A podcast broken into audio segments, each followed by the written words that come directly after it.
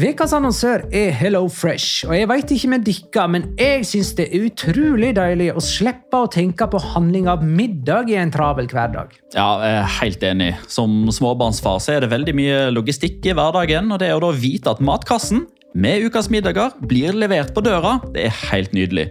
Da slipper du impulskjøp på butikken når blodsukkeret er lavt, og når du kommer hjem, kan du bare ta ut posen med dagens ingredienser fra kjøleskapet og sette i gang matlaginga.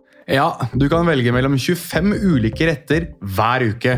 Og de har faktisk en egen kategori som heter Raskt og enkelt, med masse enkle og gode oppskrifter. Veldig greit å ikke måtte ty til takeaway hver gang det er hektisk på jobb. Jeg gleder meg spesielt til sterk chilikylling i min neste kasse. Jeg blir sulten bare av å tenke på det. Ja, Det er ikke feil med bacon og cheeseburger heller, da. Og det som også er bra, er at matkassen koster det samme hver uke, som gjør det enklere å holde matbudsjettet. Ja, og så blir det ikke matsvinn heller, fordi du får akkurat det du trenger til hver eneste rett. Hello Fresh kan absolutt anbefales, og bruker du koden vår, LIGALOCA, kan du få opptil 1779 kroner i rabatt på de fem første matkastene hvis du ikke har prøvd Hello Fresh tidligere. Du kan også prøve koden hvis du har avslutta abonnementet ditt for tolv måneder siden eller mer. Gå inn på hellofresh.no og bruk koden LIGALOCA. Bon appétit! Hallo? Jeg kommer fra Oslo politikammer. Ine Jansen er purk. Er du purk? The motherfucking bitch. Alt jeg vil, er å finne ut hva som skjedde med mannen min. Jon Carew. Er jeg sikta for noe? Iben Akeli. Det er du. Ole So, Lars Berrum og Big Daddy Karsten. Hvem sin side er du på, egentlig? Anette Hoff, Tone Danielsen, Kommer du fra Afrika? Jørnis Josef, Nesten. Kløfta. Trond Espen Seim. Det er synd å si det, men det var feil mann som døde. Purk. Premiere tirsdag på TV2 Play.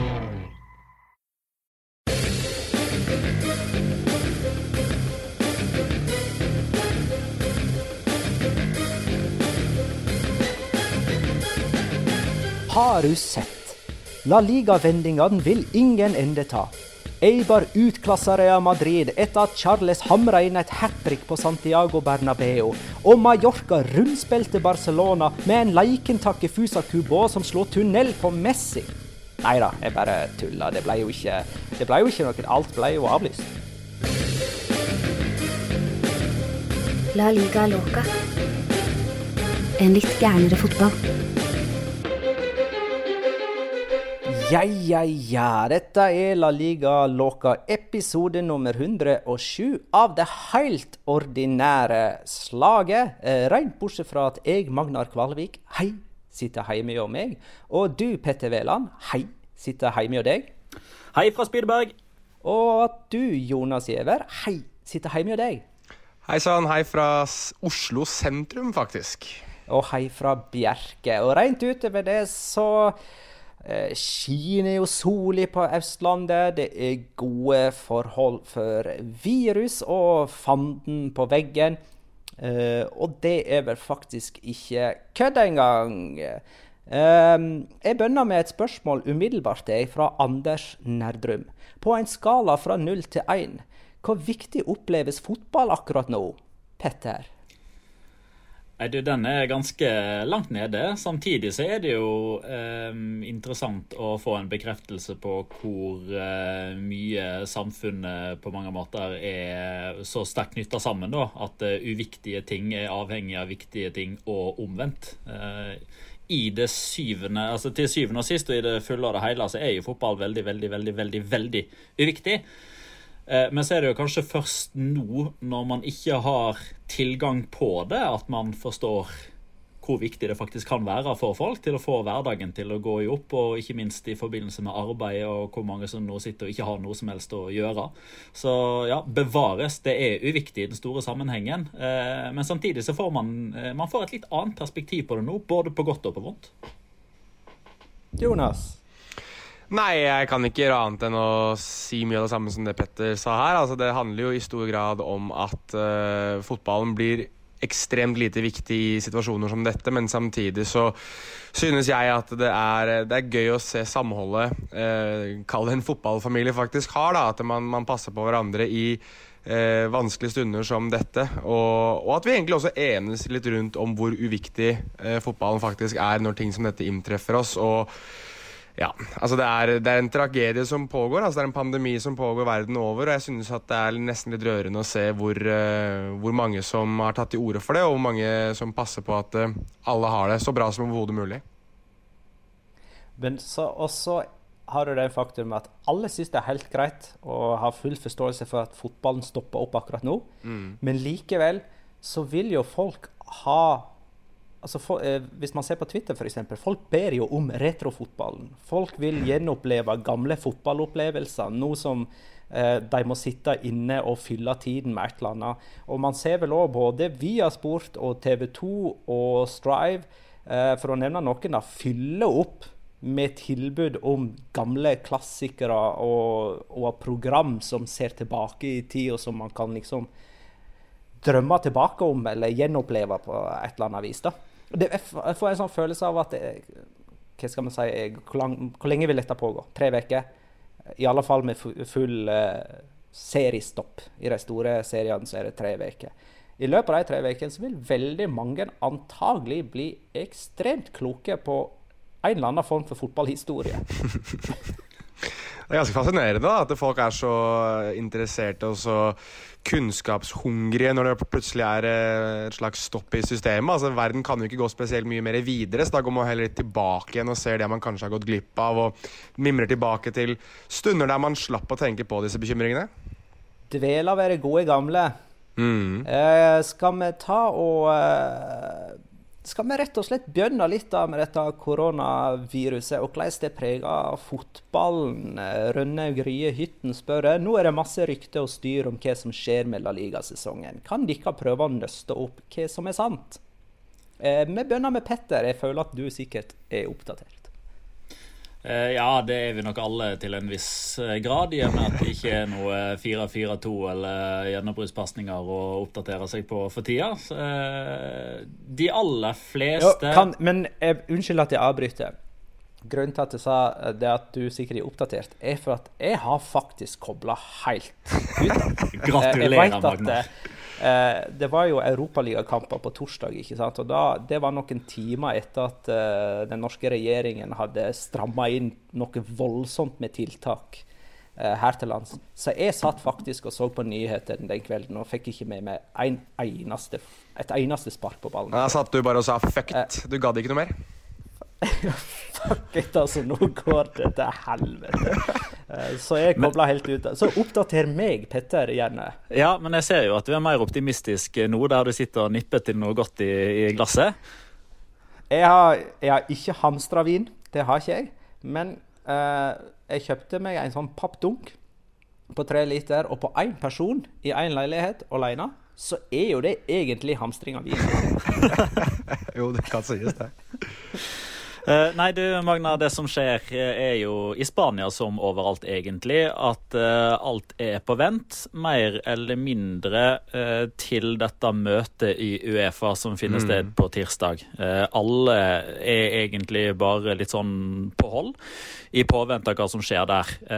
de som kan dette, og de som følger europeisk toppfotball og de prosessene i, i, i det sjiktet helt der oppe, er jo veldig veldig, veldig sikre på at noe av det som kommer til å bli, om enn ikke offisielt, så i hvert fall uh, veldig klart antyda i løpet av tirsdagen, er jo at EM 2020 blir, eh, blir flytta. At det ikke er praktisk mulig å gjennomføre det til sommeren, fordi mm. man vil få gjennomført de nasjonale ligaene. Eh, først og fremst man prioriterer det. Um, og hvis det skjer at EM 2020 blir utsatt til f.eks. sommeren 2021, så vil det gi veldig mange nasjoner ekstra handlingsrom. Det vil gi ekstra tid til å få situasjonen mer under kontroll, sånn at man antageligvis da i første omgang kan begynne å spille kamper for tomme tribuner. Eh, fordi det er rett og slett mer, eh, eh si, mer sikkert og mer eh, korrekt i den eh, situasjonen som verden er i nå, selv om du går imot fotballens eh, fundament med at den er for fansen og med fansen og, eh, og, og, alt dette her, som jo selvfølgelig er helt riktig. Men så er det så mange andre ting som vi egentlig ikke verken har forståelse for, eller som det er veldig vanskelig for oss å få forståelse for, fordi vi er ikke involvert i disse prosessene. Eh, vi er veldig flinke til å snakke om Alvar Alvaro Morata og rommet som Karin Benzema skaper, og kommentere fotball og mene ting om fotball, men, men, hva som ligger bak alle disse titusenvis av avgjørelsene som gjør at fotballen til syvende og sist er den den er, der har vi egentlig veldig lite å komme med. Mm. F.eks. noe så enkelt som hva skjer med spillerkontrakter? De som egentlig nå er bossmann i slutten av juni, 30. juni, hva skjer med de? Skal de plutselig spiller for en annen klubb eh, 2.7 hvis fotballsesongen fortsetter videre inn over det som egentlig er sesongen. Altså sånn, Egentlig per definisjon så skal det starte en ny sesong 1.7.2020. Mm, mm. Det, det ser fryktelig vanskelig ut at man skal rekke det over hele fjøla. Eh, du har alt dette med økonomi, du har eh, Altså, det er så sinnssykt eh, intrikat og sammensatt og komplisert, dette bildet her, at det handler om så sinnssykt mye mer enn bare å finne ledige spilledatoer for å få gjennomført de siste 12-13-14 serierundene. Men det er jo flere medier som tydeligvis har klart å feiloversette Tebas i dag, mandag hva er 16. mars? Det er det. Uh, uh, der uh, jeg ser i alle fall noen engelske medier sier at den spanske serien er avlyst. men det er jo ikke tilfellet. Nei, det stemmer ikke. Det, jeg gikk jo sjøl inn på den uh, artikkelen som vel var Jeg tror det var Daily Mail som, eh, som skrev den. Jeg så i alle fall ja, at sånn Mail online-opplegg. Ja, jeg mm. så Sid Lowe var inne og arresterte de, og derfor så måtte jeg liksom ja. inn for å se på den artikkelen. For jeg, jeg kjenner meg overhodet ikke igjen i virkelighetsbeskrivelsen av Tebas. Eh, for er det én mann som står eh, til the bitter end, som er den siste gallionen som, som gir seg, så er det Tebas. Og det har han jo på mange måter forklart med at det, det er så sinnssykt med økonomi som står på spill, at så lenge det er en prosents mulighet, så, så klamrer de seg fast til den. Utgangspunktet deres er at de ønsker å få gjennomført sesongen. Eh, først og fremst fordi det vil være mest rettferdig, og det vil jo, håper jeg, da vil man holde det som, så normalt som overhodet mulig. For, mm. for, hvis man ikke klarer å fullføre denne sesongen her, så kommer man igjen i situasjoner der man må besvare spørsmål som man egentlig ikke har svar på. Man må ta avgjørelser som for noen til enhver tid alltid vil være uforståelig og ikke minst urettferdig. Eh, altså for eksempel da, eh, i Premier League så har jo ikke alle lagene spilt samme antall kamper engang. Det er jo for så vidt ikke noe problem i La Liga. Der har, all, der har alle sammen spilt like mange kamper pga. at det har Sociedad og Eibar så vidt det var, rakk å spille den siste kampen. Eh, men så har de jo en annen sånn form for urettferdighet eh, her. Da. da er det jo kanskje noen lag som har spilt flere heimekamper enn bortekamper. Så er det noen som kanskje har møtt alle topp åtte-lagene til nå, som bare har lag på nedre halvdel igjen. Eh, så igjen, uansett hva man velger å gjøre, om man, om man, velger å sette en strek for sesongen akkurat nå, og Barcelona blir seriemester, eh, Real Sociedad går til Champions League, legger ned Mallorca og, eh, og Espanol rykker ned, så, så, er det garantert noen som kommer til å være uenig i det. Hvis man mm. går tilbake etter halvspilt, så vil man òg ha en urettferdighet. Ja, man vil ha en mer rettferdighet i form av at alle lag har møtt hverandre én gang. Men da er det noen som har spilt ti hjemmekamper, og så er det noen som har spilt ni uh, hjemmekamper. Og så er det noen som kun har møtt uh, de største på bortebane, mens noen har møtt de største lagene på hjemmebane. Så det er alltid noen som kommer til å føle at den avgjørelsen som blir tatt, er urettferdig. Eh, du nevnte jo økonomi her, Petter. og Folk oppfatter jo gjerne fotballen som en litt sånn kynisk verden, der økonomi går framfor folkehelsa i prioritetslista. Men er ikke det òg litt sånn at hvis man kutter Er ikke det estimert nå at hvis man kutter La Liga-sesongen, stopper den her nå, så er det sånn et tap på 700 millioner euro. Altså, Er ikke det et økonomisk tall som må få helt enorme ringvirkninger? Altså, Det er jo ikke bare det at man eh, Å, stakkars La Liga går eh, glipp av mange penger, liksom. Jeg tenker, Det er jo ufattelig mange som jobber med fotball, og som vil lide en enorm konsekvens av sånt inntektstap. Og da snakker jeg om folk som jobber for at stjerner skal få være stjerner, og for at pampa skal få være pampa, og som tjener en helt gjennomsnittlig, gjennomsnittlig årslønn. Ja, og der ser altså, man jo Ringvirkningene er helt enorme, må jo være. Ja, og der ser man òg litt av den jeg kaller det urettferdigheten som fotballen òg bringer til torgs. Fordi da det ble klart at La Liga kunne tape eh, x antall millioner euro, la oss si at det er 700, da, så var liksom hovedfokuset at ah, fotballspillerne må kanskje gå ned 20% i lønn.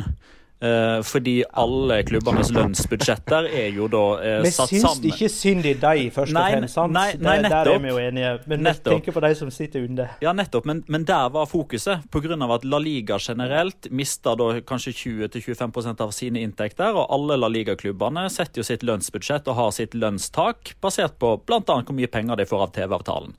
Men, men det som virkelig gjør eh, meg og deg og Jonas triste i denne sammenhengen her, er jo eh, de som går og sørger for at stadion er ren eh, etter kamp, som gjør at den er presentabel til neste kamp. Han som klipper gresset, han som pumper luft i ballene, eh, han som vasker tøyet, eh, de som står i bodene på kampdag, de som eh, jobber i butikken og selger drakter der det nå ikke lenger kommer kunder. Folk som er helt avhengige avhengig av dette her. Ja, maskoter, ikke minst. Hva skal Super Pepino gjøre nå? Ja, nettopp. Og alle som jobber på kontor, sitter i administrasjoner, som jo alle organisasjoner har. Det gjelder lag og La Liga og det spanske fotballforbundet. Og liksom, ja, det samme med de andre nasjonene. Ja. Eh, skal, vi, skal vi la alvoret slipp, slippe det litt, og så leke oss litt med det Geir Halvor Kleiva skriver? Hvilket lag tror det vil få mest mulig ut av denne pausen? Det gagner så klart de som har nøkkelspillere ute med skade, som Barcelona f.eks., som håper at Suárez skal bli pigg igjen. Jeg må jo bare få skutt inn det her, da. At eh, det er jo ganske påfallende at Valencia klarer å få spillere typ skada selv om de ikke engang spiller fotballkamper. For nå er det jo tre mann som er ute med koronavirus også. Så det er jo ikke altså, Tradisjonen tro så klarer Valencia fortsatt å miste spillere selv om de ikke engang spiller fotball i det hele tatt. Nå er jo Eliakim Mangala, José Luis Gaia og Ezekiel Garay ute med koronavirus. Garay Riktignok også ute med, med kneskade, men uh, altså den klubben der må jo ha en eller annen form Altså De er jo greit nok at de også har en flaggermus i logoen sin, da, så det her er jo kanskje litt grann som poetic justice for eh, Valencia sin del, men samtidig så Det er så mye, det er så mye logikk i det at Valencia er det laget som er hardest ramma av koronavirus. For det første så har du flaggermus. For det andre så har du det greia med at de skal alltid ha tre ganger flere ute på fraværslista enn alle andre. Sånn at hvis en annen klubb får to stykker med koronavirus, så er Valencia plutselig oppe i seks-sju. Eh, og så var det jo det laget som møtte Bergamo-representanter sist, da. Og Eh, at attpåtil så nå pe- og- og Peke sånne beskyldende fingre i noe. Ja, og attpåtil så måtte de til Vitoria, som jo er den nærmest rød sone i Spania. Og for å møte Alaves den fredagen rett etter. Mellom de to Atalanta-kampene, altså. Ja. Skikkelig Riktig. sånn i sona deres, altså. Så, men, eh, Men, men, eh, håper jeg for å komme med et litt sånn halv, halvseriøst svar på det spørsmålet, da, så, så er jo faktisk Jo, men altså, for et, bare sånn rask titt da, på, på de lagene som hadde flest spillere ute med skade i forrige serierunde, det var jo eh, Valencia. Eh, Nei, du sier også- ikke. Det var Osasona, Granada og Barcelona. Eh, alle de hadde fire eller flere ute med skade, selvfølgelig med diverse lengder. Mange av de hadde sikkert vært klar igjen hvis det hadde blitt spilt kamp den, den helga her nå, men det er klart at eh, Ja, Suárez eh, spiller jo brått kamper igjen på slutten av sesongen dersom den blir forlenga ut i juni og juli. Eh, og da er mitt spørsmål Hvis Hvis La Liga står stille nå i en måned eller to, da, eh, og så er Luis Suárez tilbake, kan man da oppheve det der Breathwaite-kjøpet, siden Suárez ikke var ute i fire aktive måneder? Kan, han liksom, kan man nulle det kjøpet, så går han tilbake til Leganes? Jeg tror ikke Leganes har det imot, i hvert fall. De kunne trenger, trenger jo alltid alt de kan få av skyts på topp, så de tar vel det med åpne armer. Tenk på alle konsekvensene dette her får, som vi ikke aner svaret på. Nei, så Ja. moro, du. Skal vi Nei, ta et nei, men, ja, men la, la meg spekulere litt i svaret der, da. Fordi når eh, Altså, da Martin Braithwaite eh, ble signert av Barcelona, så ble jo lisensen hans, altså spillerlisensen, fotballisensen hans, ble jo flytta fra Leganes til Barcelona. Men Barcelona har ikke lov til å legge den på toppen av de som allerede er der. Han måtte ta plassen til en som allerede var der, og det var jo Osman Dembélé. Eh, og, og, der ja. det, og, der er det, jo faktisk sånn at Osman Dembélé kan ikke spille alle Liga-fotball før neste sesong starter. Altså i utgangspunktet 1. juli. Ah. Men hvis, la oss si dette her eh, drar ut litt i tid, eh, EM blir utsatt, La Liga fortsetter å spille, de er ferdig la oss si midten av august, da. Og så skal man ha en sesongoppkjøring til neste sesong. Så la oss si første seriekamp i La Liga blir spilt 1. oktober 2020, da. Først da kan Dembélé spille igjen, sånn som jeg forstår det. OK, så da kan jo Breathwaite eh, da, eh, Hvis han har tatt Dembélé sin plass, så er jo Breathwaite eh, spikra han da i Barcelona. Mm. Man får ikke med det der merkelige scenarioet som er tegna. Det var litt synd, da. Eh, Ole BS skriver eh, Hvor enkelt er det å spille utsatte La Liga-kamper i sommer når gradestokken i Sevilla og Madrid nærmer seg 40? Det er et veldig godt poeng. Det er et veldig godt poeng, For det står faktisk eh, nedfelt i eh, AFE, altså tilsvarende NISO i Spania, sin lov om at det er ikke lov å spille fotball eh, hvis det er mer enn x antall grader. Og det er litt forskjellig fra by til by. Eh, fordi 35 grader i San Sebastian er, eh, føles veldig mye varmere og er mye farligere for kroppen enn 35 grader i Granada, f.eks. pga. luftfuktighet og, og, hva man er vant til osv. Så, videre. så det Svaret er jo det Javier Tebas har ønsket i lang lang tid. Det er jo det å spille kampene i andre land enn i Spania. Og det tror jeg blir en reell mulighet, faktisk. At du selger ut kampene til andre land for å Nummer én for å få inn disse tapte inntektene som Magna var inne på her nå, 700 millioner euro eller hva det nå er for noe. At du kanskje kan få det litt igjen ved å selge kampene til andre markeder. Og nummer to så får du altså klubbene til å markedsføre seg selv i andre nasjoner, slik de gjerne gjør på sommeren uansett. Så det er jo en slags win-win for alles del hvis de klarer å få si serierunde 35 og 36 da spilles i jeg holdt på å si Kina, men det er kanskje ikke det riktige stedet å begynne. Men jeg mener f.eks. Uh, eh, i Skandinavia. USA. da. Skandinavia. Si USA, da. USA og Mexico, da. La oss si de to nasjonene for eksempel får to serierunder, uh, og gjerne av de litt større lagene som ja, La oss si Supercopa-lagene. da Altså Valencia, Atletico Madrid, Barcelona, Real Madrid. Alle sammen spiller kamper der borte. Så har du jo fort tjent inn litt på, på tilskuerinntekter, og så har disse klubbene tjent litt ekstra i kommersialisering. Og så kan du selge kanskje eh, noen flere TV-rettighetspakker til neste sesong igjen. Så jeg tror at eh, for Teba sin del så kan det ligge litt hell i uhellet, det at han får lov til å potensielt selge disse kampene til andre markeder som uh, som da kan åpne for, for, mer penger inn i kassa til La Liga på sikt over de neste ja, si tre årene, da, hvis vi skal prøve å tenke litt langsiktig her.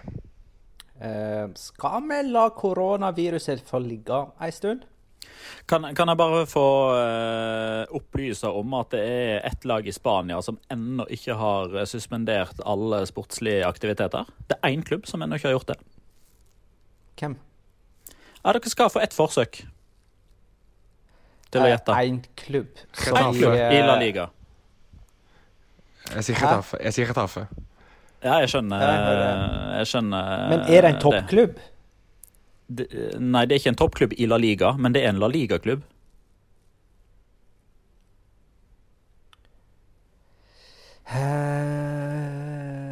Jeg veit at Atletic hadde trening, liksom, men Nei, jeg, jeg veit ikke svaret her, nei. Nei. Atletic, Real Sociedad og Villarreal de eh, skjøtta ned i dag, mandag 16. mars. Og per okay. nå klokka 19.45 så har Eibar ennå ikke gjort det. Det var de faktisk ja, jeg så på Twitter i dag. Eh, de hadde trening. Stemmer yep, det? Det har de. Så det er greit. Ja, ja. Men, de hadde jo nettopp den der ja. Eh, de hadde jo nettopp den brannen på dette uh, søppelanlegget, ja. så kanskje lufta der er litt renere nå, eller et eller annet sånt. OK. Den brannen tok knekken på viruset. Det går jo an, det. Altså Hvis det er brann som er farlig for mennesker, og, og, sånt, så kan det jo hende at det blir svidd opp, dette viruset òg, da. Uh, skal vi leke oss litt med det som faktisk har skjedd av fotball siden sist vi lagde episode? Eh, for det har faktisk skjedd store ting siden sist. Er det noen som kan komme på noe? jeg vet ikke hva du prater om. Eh, skal vi begynne med favorittspillerne til Jonas, som på Anfield senka Liverpool forrige uke, der Alvaro Morata var uh, tunga på vektskåla. Vi liker å si det sånn, selv om Marcos Llorente kanskje var den mer utslagsgivende. Men ja. 3-2 altså til Atletico Madrid på Anfield etter ekstraomganger. Jorente kom inn og skåra to og hadde én målgivende. Uh, Atletico har kanskje prøvd seg med litt sånn klassiske vinger i form av LeMar, men det virker jo som at skal du være wing i, i Atletico, så bør du helst være uh, en sentral midtbanespiller i, av gen. Da passer du inn i den fireren der. Jonas? Nei, Du har nok helt rett der. og jeg synes uh, altså Kamptaktikken til Atletico Madrid var jo litt slik vi snakket om tidligere. altså Asoflir er jo greia deres, at de skal lide seg gjennom fotballkamper. Og, og det gjør de jo her. Og, og, og med unntak av den 1-0-skåringen til Liverpool, så synes jeg at uh, Atletico Madrid har forholdsvis ganske god kontroll, selv om man vil jo si at ja, men Liverpool hadde jo 37 skudd på mål. Ja, men samtidig så de, de blir tvunget til å skyte fra utenfor boksen. Ja, du har Robertson sin store sjanse, f.eks., som er mer marginer enn noe annet. Men, men jeg føler at, at Atletico Madrid har gjort det og var litt troet til det de vant seriegull på i 2014, det de kom til Champions League-finale for, det de vant Europa League for i 2012 og 2018, vel. Uh, så, så det, det, var jo en seier i Atletico Madrid-ånden, selv om det kanskje har blitt diskutert i, i stor grad hvorvidt det var fortjent uh, i, i, etterkant. Men uh, jeg syns det var litt, litt, sånn interessant å se det at du snakker om at de hadde ikke-tradisjonelle vingemagner, og det er jo riktig. de inviterte Robertson og Trent Alexander Arnold til å slå innlegg. Litt sånn som de gjorde før også med andre klubber, hvor de sa ja, slå innlegg, så, så står Miranda og Godin og header vekk. Nå var det liksom Der står Savic og, Re og Filipe Reyes og, og nikker vekk hver, hver, ball som kommer inn. Altså det var, De var litt tilbake igjen til det Atletico Madrid som, som trollbandt med å slå litt nedenfra for ja, fem, seks, syv år siden. Men det er Veinaldum fikk nå skåra, fikk nå stå fritt der inne i feltet. ja, det er han som regel mot spanske lag. Målet. ja, han har en sånn spesiell evne. Men hvilken retning heller du da, Petter? Var det, en, var det flaks eller en taktisk triumf på Anfield? Nei, Det er jo en god kombinasjon. Jeg mm. tror at hvis, hvis, denne kampen her hadde blitt spilt på nytt igjen, og Liverpool fikk de samme mulighetene 37 ganger til å skåre mer mm. enn de mm. gjorde nå, så tror jeg de hadde klart det oftere enn de ikke gjorde.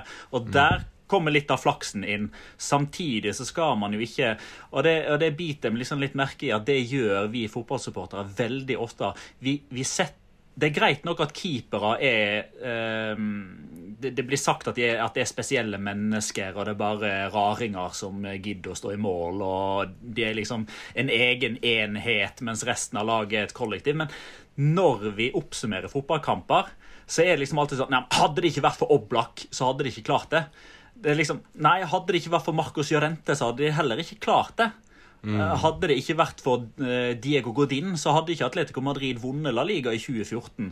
Hadde det ikke vært for Lionel Messi, så hadde ikke Barcelona vært så fordømt suverene som de har vært over en tiårsperiode. Jeg skjønner ikke hvorfor det er så mye mer legitimt og eh, ofte brukt å ta keeperen ut av det regnestykket. Det skjønner jeg ikke. fordi Eh, altså, Det nærmeste man egentlig er å anerkjenne en keeper som en del av kollektivet, er at noen ganger så sier man sånn Er det lov å ha en god keeper?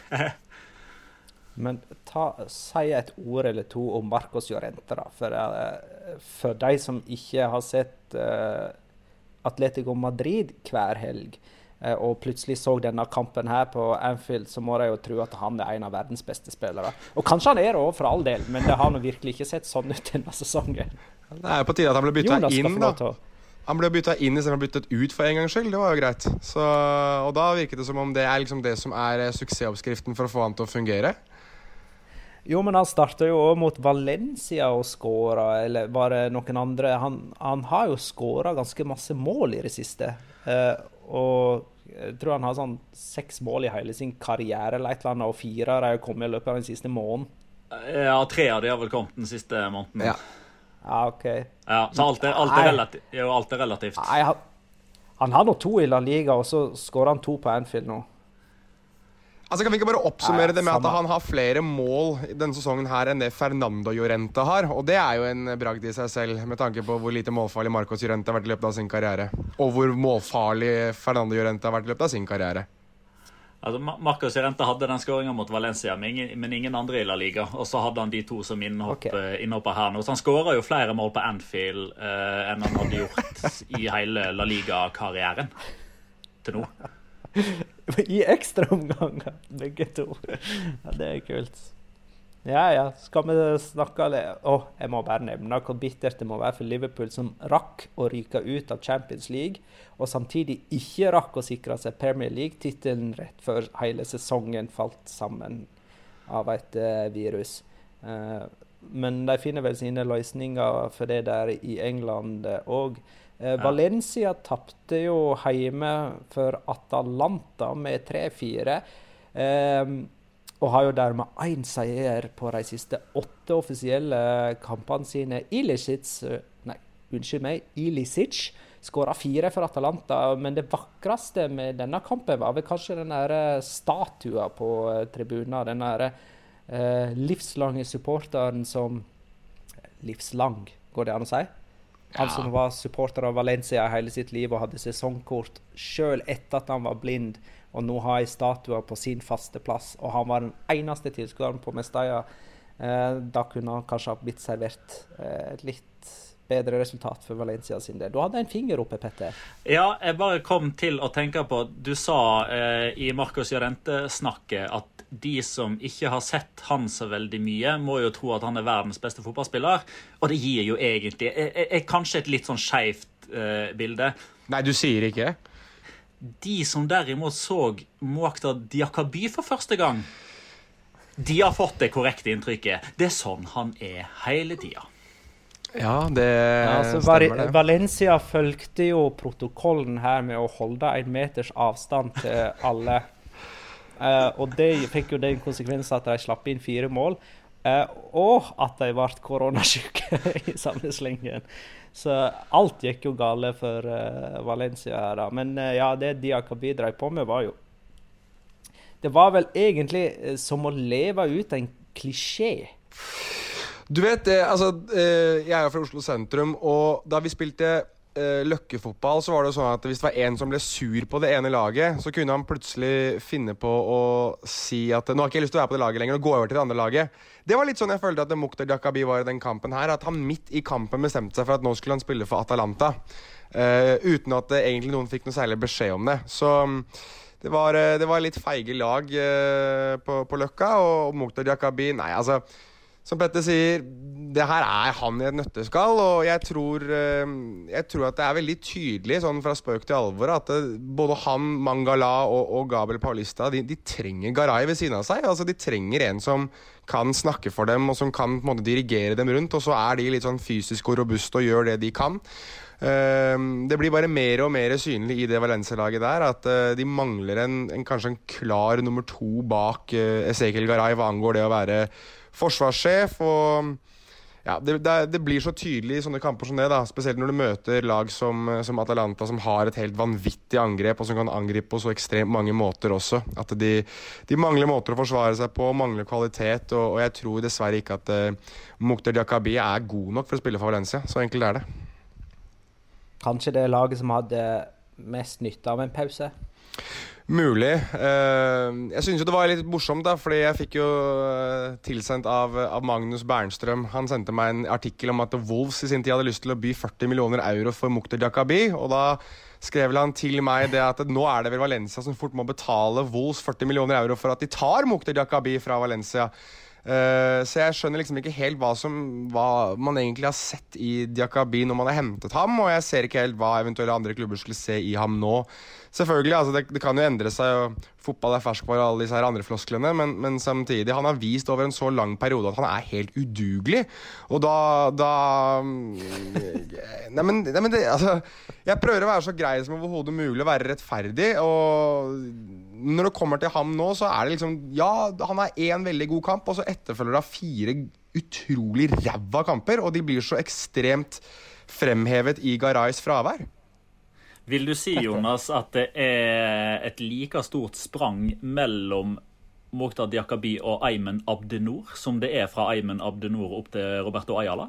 Å, fytte rakkeren. Ja, det vil, nå, skal jeg være rettferdig mot Jakabi. Altså, Amin Abdenor altså, han er First Price-utgaven av Mukhtar Jakabi igjen. Så han skal få den uh, Jakabi, for jeg tror ikke jeg har sett noe ja, Delan Santos er kanskje, var kanskje enda verre igjen, men, uh, men ja, nei. Han begynner å føye seg inn i rekken over ganske ræva stoppere som har vært i, i Valencia, for ikke å snakke om Eliakim Mangala i to perioder, som også ja, blind høne finner også korn. Ja, altså, Eliakim Mangala er jo blind og ser ikke en skit uansett, så det Og når har Diakabi ved siden av oss Nei, fytti rakkeren, jeg får vondt i hele meg bare av å tenke på det her.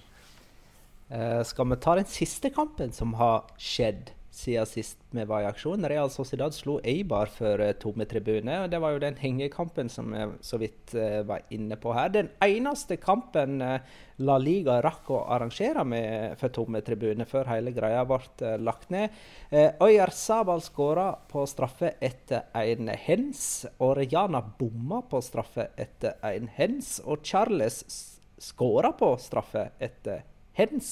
Mens eh, William José eh, starta og skåra for eh, Real Sociedad. Så Øyar Sabal og William José skåra for Real Sociedad, og Charles Det var han som skåra for Eibar, sant? Jeg ja. miksa ikke opp dette der nå. Stemmer det? Stemmer. det er forholdsmessig ufattelig mange henstraffer om dagen.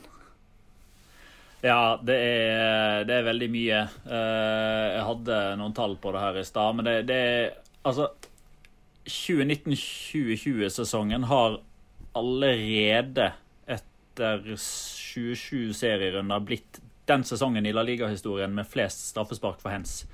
Og det skal jo i utgangspunktet da spilles 110 kamper til.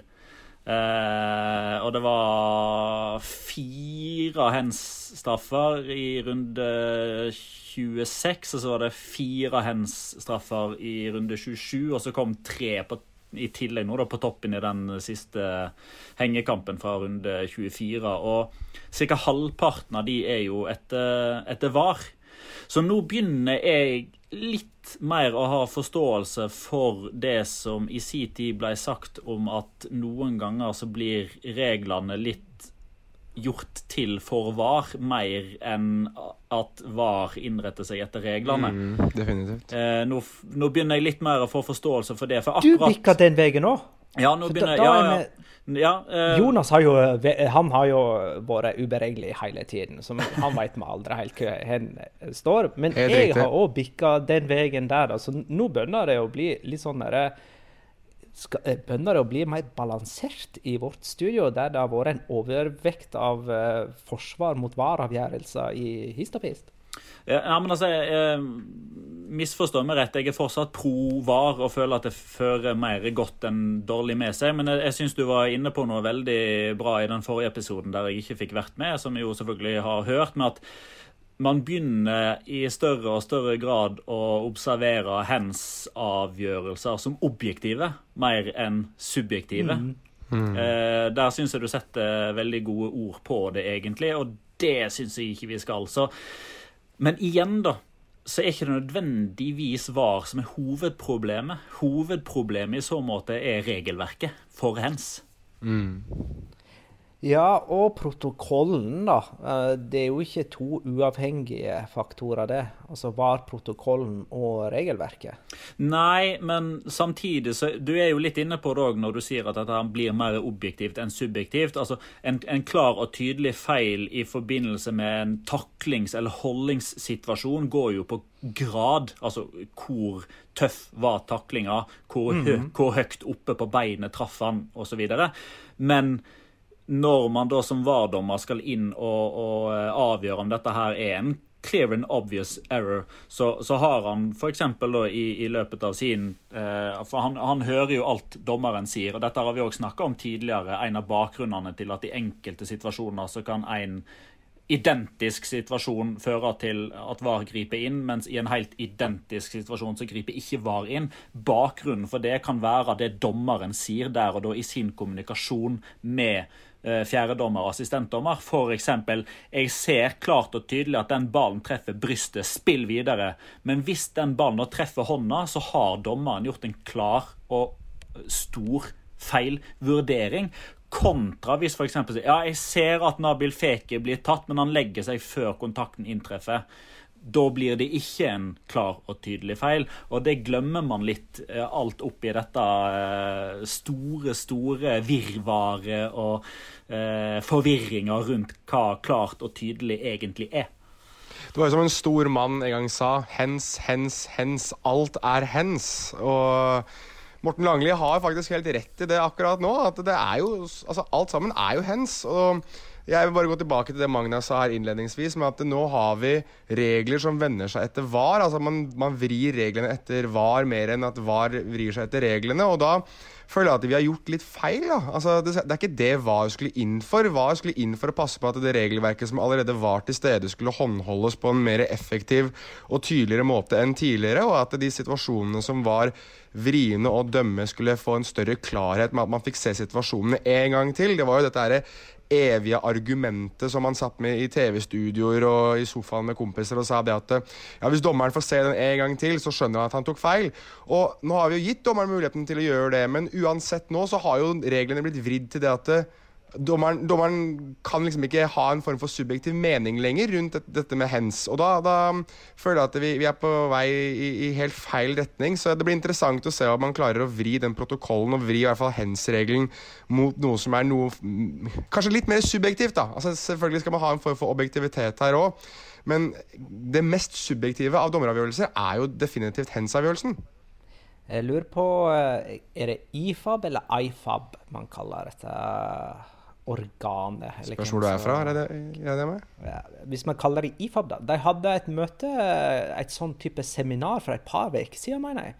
Der de faktisk ja. Eh, mm. skulle diskutere hens-regelen og praktiseringen av den. Og det vil jo da være, hvis de finner på noen justeringer, så vil jo det gjelde fra neste sesong. Og ingen vet når neste sesong er. Eh, så, men det er jo spennende å se det, da. Og så var vel ikke utvalget i den gjengen der særlig representativt. Jeg tror det var sånn. Ja, hvis det var 30 stykker, da, så var det vel 28 som var hvite menn mellom 40 og 60 år. Og så var det ei dame og så en mørkhuda, eller noe sånt. Så det var vel først og fremst det den samlingen fikk mest oppmerksomhet for. for Men kanskje de kommer fram til fornuftige regler likevel. For å sitere min kollega i Viasport, det er feil folk som bestemmer reglene. jeg aner ikke hvem du uh, siterer der. Eh, Rune Bratseth. Var det det, ja? ja det, kunne, det, var, det er faktisk to trøndere du jobber med. Det stemmer, det. Ja. Eller i alle fall fra Trøndelag, da. Ja. Uh, hvis, vi var egentlig på Real Sociedad. Jeg vil bare nevne til slutt i Real Sociedad-diskusjonen at eh, de spratt opp på en fjerdeplass uh, og spilte denne kampen her uten Martin Ødegaard. Er det fare for at Martin Ødegaard er ute mot Serbia, eller? OK, jeg bare tuller. Det blir ikke noe Serbia-kamp 26. mars. Men sånn fra spøk til alvor, da, tenk hvor viktig den seieren kan vise seg da, da om uh, Guttebassen ikke klarer å fullføre sesongen, og stillinga nå ja. etter 27, 27 runder står seg. Jeg tror det er veldig. Det blir viktig for Real Sociedad sin del med tanke på det å beholde Martin Ødegaard også. For forestiller jeg det at de kan si til Real Madrid Hei, hei, hei, kan ikke han få spille for oss en sesong til? Vi skal i Champions League. Det kommer ikke til å være så stor forskjell. og vi kommer til å eller fra det dere kommer til å spille i uansett. Og vi kan garantere at han spiller sikkert langt mer enn det han hadde gjort i Real Madrid. Så jeg tror at for Real Sociedad sin del så kan den trepoengeren der nesten være Ødegaard-garanterende.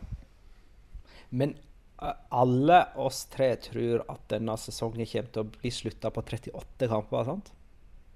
Jeg er ikke sikker, altså. Jeg skal være helt ærlig. Jeg, jeg synes det, det, det, spekuleres så veldig sterkt i om man gjør sånn som de vurderer å gjøre i, i Tyskland, med at du stopper ligaen nå. At de som ligger på de plassene, ligger på de plassene de ligger på. Og så at man tar to lag opp fra Segunda, da, og at utvider ligaen da til neste sesong. Det var det som i hvert fall var diskutert, så jeg av Marka, bl.a. Uh, at det kunne være et alternativ. Uh, jeg håper veldig på at de, de, avslutter sesongen, og det er jo litt i Javier Tebas om det å presse gjennom disse kampene her bare for å få spilt i, enten du spiller for tomme tribuner eller hva det nå enn måtte være. Uh, men jeg er, jeg er, ikke sikker altså, på at han kanskje blir overstyrt både av spillerorganisasjonen og kanskje også av det spanske fotballforbundet, som sier at det er ikke mulig å få gjennom. Um, men jeg tror, jeg tror oppriktig at hvis de skal spille Og kan, du kan jo godt skrive ned i dette her uh, arket der jeg har alle mulige merkelige spådommer. Jeg tror at vi kommer til å få se én eller flere serierunder som blir spilt utenfor de spanske grensene, hvis de fortsetter å spille denne sesongen her. Jeg skal prøve å huske det. Jeg har bare én hånd tilgjengelig. For det er jo sånn at vi spiller inn Vi har samtalen på Skype, og så sitter vi med hver vår mikrofon. Eh, og jeg kan se på Skype at Petter har en finger i været. Vær så god. Ja, Det kan jo bare skyte inn da at hvis eh, scenarioet til eh, Jonas inntreffer, at det blir 22 lag neste sesong, og, og de lagene som da ligger på opprykk i sekundet akkurat nå, så vil det være Cádiz og Real Zaragoza. Nettopp. Det, det, var en som spurte oss uh, Jeg lurer på om det var han som kaller seg Baskeren. Som spurte oss hva er vår drømme La Liga? Altså uh, hvilket lag ønsker vi ideelt sett å ha i La Liga, siden du nevner de som potensielt kan komme opp her. Da nevner du Cádiz og Saragossa, og det er vel ikke lag vi er fremmed for å ha oppi der? De og Oviedo er ikke de veldig populære? Sporting eh, Gijon. Deportivo la Coruña. Malaga. Ja, uh, Malaga uh, OK, skal vi ta en siste nytt om Malaga? Jeg tror dette her hotellkjedeopplegget Blue Bay, er det det de kaller mm. seg, har, har nå av en domstol fått uh, innvilga det å ta de aksjene som Petter Lim hadde. Er, er det noe sånt? Ja, Igjen så er jo ja. Fredrik Alnes mann å eh, oppsøke her, da. Uh, ja, jo, uh, de får midlertidig kontroll over aksjene de har krav på. Uh, og det er noe sånt som 49% av aksjene i Malaga. Det skriver han da. Ja, og så kan vi være sure på Peter Lim for mye, men Malaga kan vi holde han unna. Altani, tenker jeg vi sier. Ja, la oss nå gjøre det. Peter Lim har nok tull. Som er... sa jeg Peter Lim? Ja. Uh, jeg kunne ha skylda på Vincent Tan og uh, hvem som helst av det. Nei da. Uh, Altani er mannen her, da. Skal vi leke oss med Så vi slipper ned skuldrene litt grann, og sier at vi har gått gjennom det vi føler vi måtte gå gjennom, og så heller ta litt av det Ta f.eks. det Eirik Horvath skriver. Hva er deres tanker om gårsdagens Grand Derby, altså Sevilla-derby? Lorenz skåra hat trick, og 5-5, det er jo låka som du får det. Ja, og Borja Iglesias som trener for Real Betis. Det er store greier. Altså, det er Greit nok at Robi sitter utrygt, men at det var han som skulle ta over det, hadde jeg ikke forestilt meg. ja, altså Greia der er jo at Sevilla Sevilla Derby skulle spilles søndag kveld. Det ble jo selvfølgelig ikke noe av, så i stedet for så ble det et nettmøte på Fifa med Borja Iglesias som styrte Real Betis, og Sergio Regilon som styrte Sevilla. Og Jeg så litt på kampen. Det endte jo 5-5 uh, eh, etter full tid der. Uh, og så tror jeg de spilte uh, en, sånn, en, ny kamp der det var sånn første målet vinner opplegg, der Borja Iglesias da vant ved å skåre som seg sjøl. Så det ble til slutt 6-5. Spilte han med seg selv, da, som andre ord? Selvfølgelig. Det hadde nå jeg òg gjort.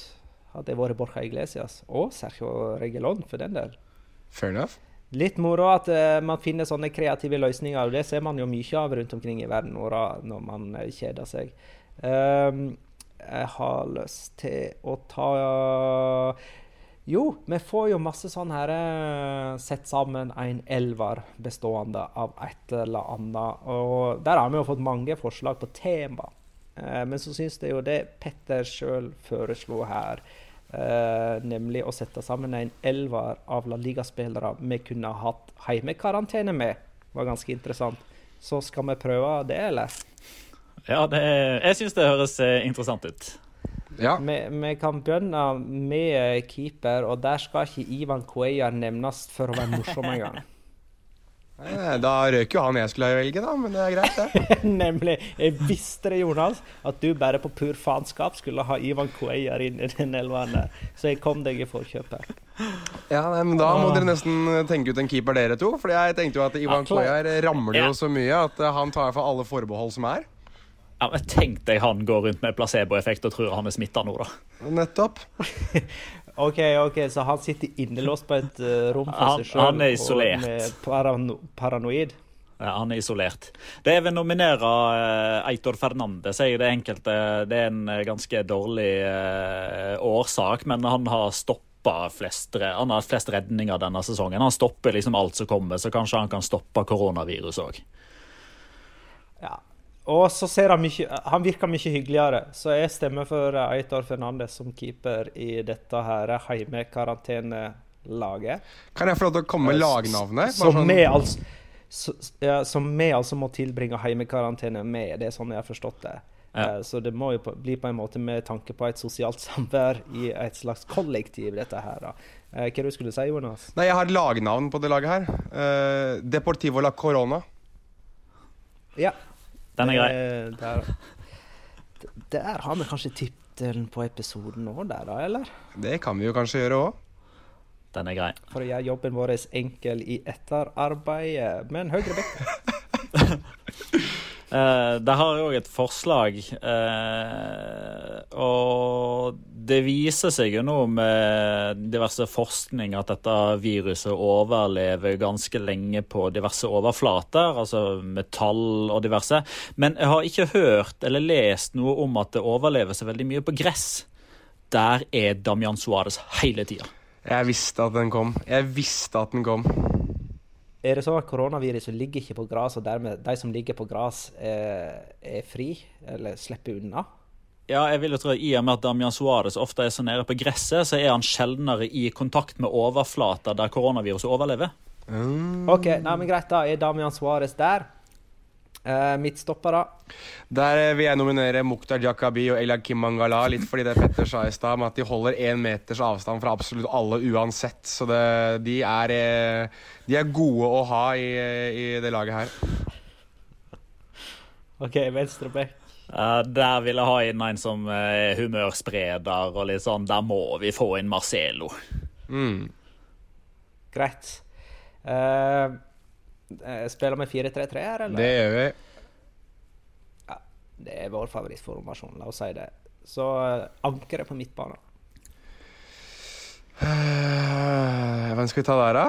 Den er, den er litt vrien, syns jeg.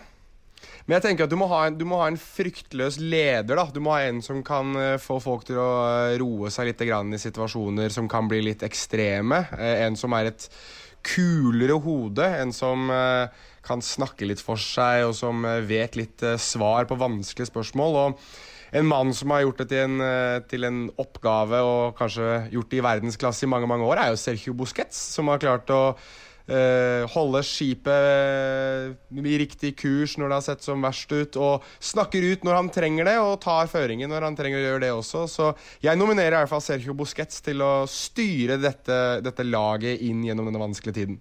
Ja, uh, og jeg opplever han som litt sånn renslig. Litt sånn pertentlig type som antagelig vasker hver ei pore han har i, mm. hånda. Mm. Veit du hva? Og det, og det er derfor jeg vil ha inn Marcos Jorente. Ser han mannen noen gang Men vi 1 setter han Jo, men altså, altså Hvis det er noen som er mer renslig, eller som ser mer renslig, flid, altså tenna er hvite, det er ikke ei kvise i ansiktet, håret ligger akkurat som det skal Altså Med tanke på, på det å, å holde seg rene, vaske hender og ha god hygiene Marcos Jorente. Ja, OK. Så han er høyre indreløper. Venstre Der vil jeg nominere Dani Parejo, eh, fordi eh, han har allerede vært på koronafylla nok ganger, eh, og det har Valencia-sporterne fått se. Eh, så han vet hvordan han skal håndtere en korona eller 15. eh, Teller det litt at eh, noen av disse kanskje er immune snart òg? Nei, fytti Tror ikke du Eh, Det er viktig å eh, påpeke sitter altså med ei koronaflaske eh, Ja. hos seg, da. Det er viktig å bare påpeke for de Det er ikke lytter. Baileys i dag, altså, Petter. Uh, nei, etter å ha blitt uh, sjikanert på det groveste i forrige episode, så holder jeg meg unna det. Men er, er Parejo er han koronasmitta? Nei, Nei. ikke uh, offentlig iallfall. Nei, For det, det var en viss fordel hvis, for hvis du har fått koronaviruset, blitt syk og så frisk igjen, så er du jo immun. Så hvis man kunne ha fått inn så mange som mulig av dem, så hadde jo det vært Ja, Mangala. Okay, nå er Parejo med. Mang- Mangala er jo allerede inne, ikke han? Jo, jo, men han er, han er, han, han er jo smitta, så han er jo i Men laget. han er, ja, men han er vel fortsatt smitta? Han er vel ikke frisk Ja, ennå? Jeg, tror han er smittebærer fortsatt, men eh, OK, han er nå med på dette laget likevel. Ja, Han skaper bare elendighet uansett. Angrepstrioen, da? Høyre kant. Oi, nå ble det stille. Kom igjen nå. Ja, Du hadde jo et forslag tidligere i dag, eh, Jonas. Ja, den er vrien, den der, syns jeg. Men, eh, men eh, kan vi ikke gå litt videre i det sporet som Petter snakket om? Da, med det å ha, du må alltid ha en liten humørspreder, og når Marcelo blir sliten, så har vi jo en vitsemaker som kan spille på høyresida, og det er jo Joaquin. Definitivt. Ja, det er greit. Ja. Underholdningen må være med. Mm. Eh, Venstrekant. Altså jeg tenker litt sånn, Kanskje litt sånn ute av posisjoner, men jeg tenker Og igjen så er det i samme sporet. Men det holder kanskje med Marcelo Joaquin. Men altså Santi Casola smiler jo hele tida. Som positiv optimist. Casola må med. Han er en han er den som når, når Diakabi begynner å gråte, så er det Casolla som står og passer på han og klapper han litt på skulderen og smiler litt og gir han de der vennlige ordene han trenger. Ja. Jeg Eh, ser for meg at i dette kollektivet her så hadde jeg sittet i et hjørne sammen med Casorla og Eitor Fernandes. Det hadde vært en eh, trio som eh, hang for oss sjøl og spilte kort. Ja. Eh, jeg vil gjerne nominere en på topp før eh, Jonas tar det. Og så altså, altså kan kanskje du bestemme hvem som får plassen, med mindre du har et kjempegodt forslag sjøl. jeg vil beklage på forhånd. Unnskyld, men jeg vil ha med Carlos Antibacca. Ja. Det var et godt forsøk på humor fra Petter. Og eh, Jonas, skal du følge opp eh, Altså, jeg mener, nå ligger humoren helt ned landslegen, eh, og kanskje helt umulig å reise opp igjen og få liv i, men du kan jo få prøve. Ja, jeg er ikke helt enig i, i Carlos Antibaca. Jeg går for Karim Benzema, fordi han skaper så mye rom! Og hva er det vi trenger i dette laget her? Vi trenger rom, vi trenger isolasjon. Vi trenger en som kan skape rom for alle de andre til å være til stede. Så Karim Benzema må jo inn i dette laget her. Han ikke bare skaper han rom, men han er god til å isolere. Ja. Han, han, har, jo, han har jo alt. Så Benzema er selvfølgelig inne. Men uh, Bakkave, han, eh, står, han er førstemann i køen, da. Ja, han er, han er supersub. Ja. Men da, da er vi i mål med um, dette helt fenomenale laget. Jeg lurer på om vi skal prøve å gi Johan Iversen, og dermed mange andre, eh, tips. Forslag til hvordan tidligere spilte kamper man kan bruke tiden sin på å se på nytt. Eh, han tenker jo på kamper ja, ja, med nivå og viktighet involvert da, mens han sitter i heimekarantene. Uh, jeg er jo egentlig litt usikker på hvor man får sett alle disse kampene. Men sjøl skulle jeg gjerne ha sett Barcelona Atletico Madrid 17. mai 2014 på nytt. Eh, Hvis noen lurer, så var det da Atletico Madrid sikra tittelen, eh, La Liga-tittelen. Eh, Så for å gjenoppleve et historisk øyeblikk, så hadde jeg gått for den.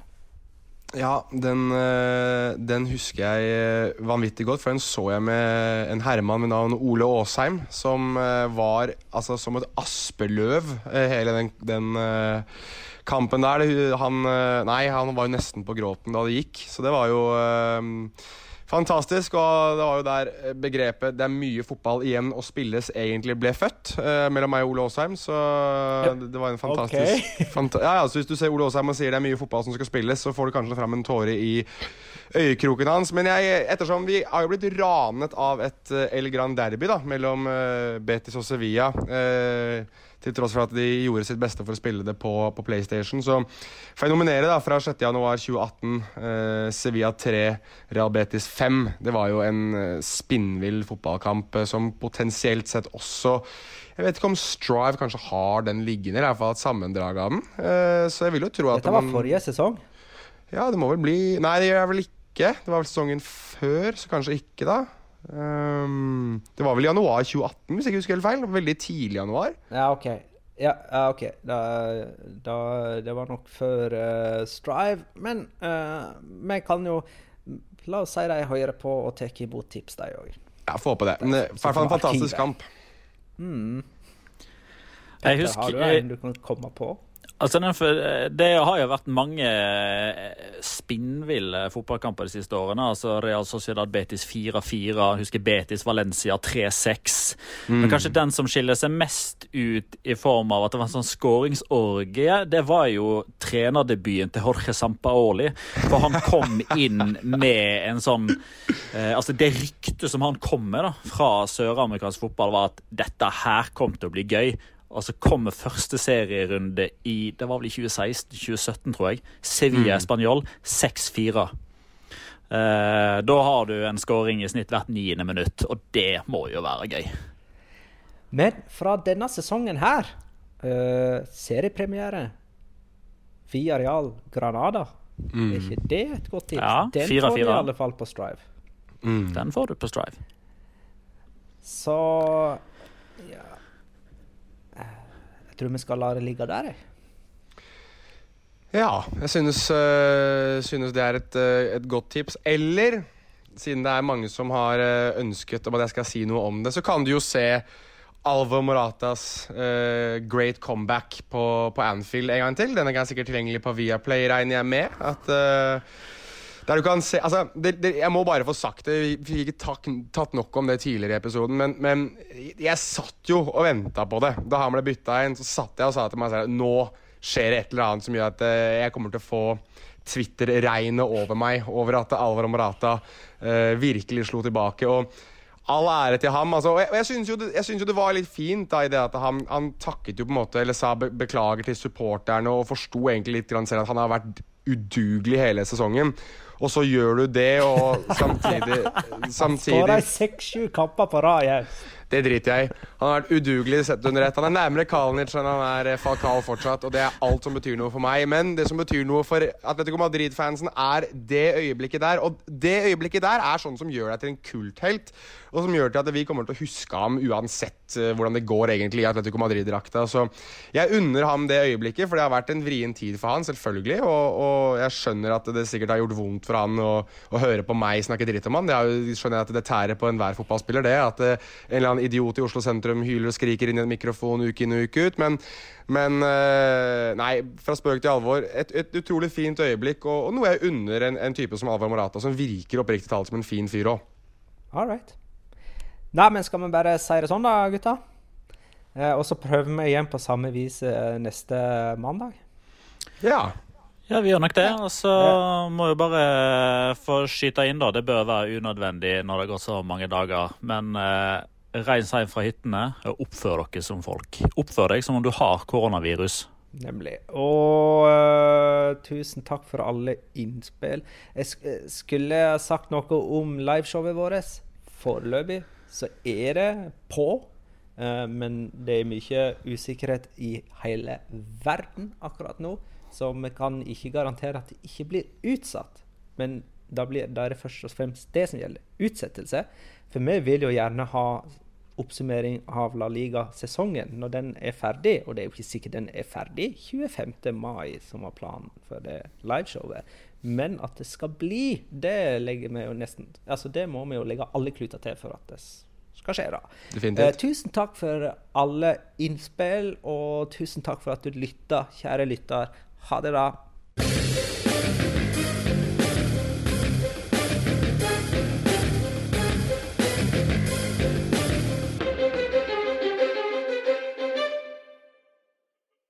Har du et enkeltpersonforetak eller en liten bedrift? Da er du sikkert lei av å høre meg snakke om hvor enkelt det er med kvitteringer og bilag i fiken, så vi eh, gir oss her, vi. Fordi vi liker enkelt. Fiken superenkelt regnskap.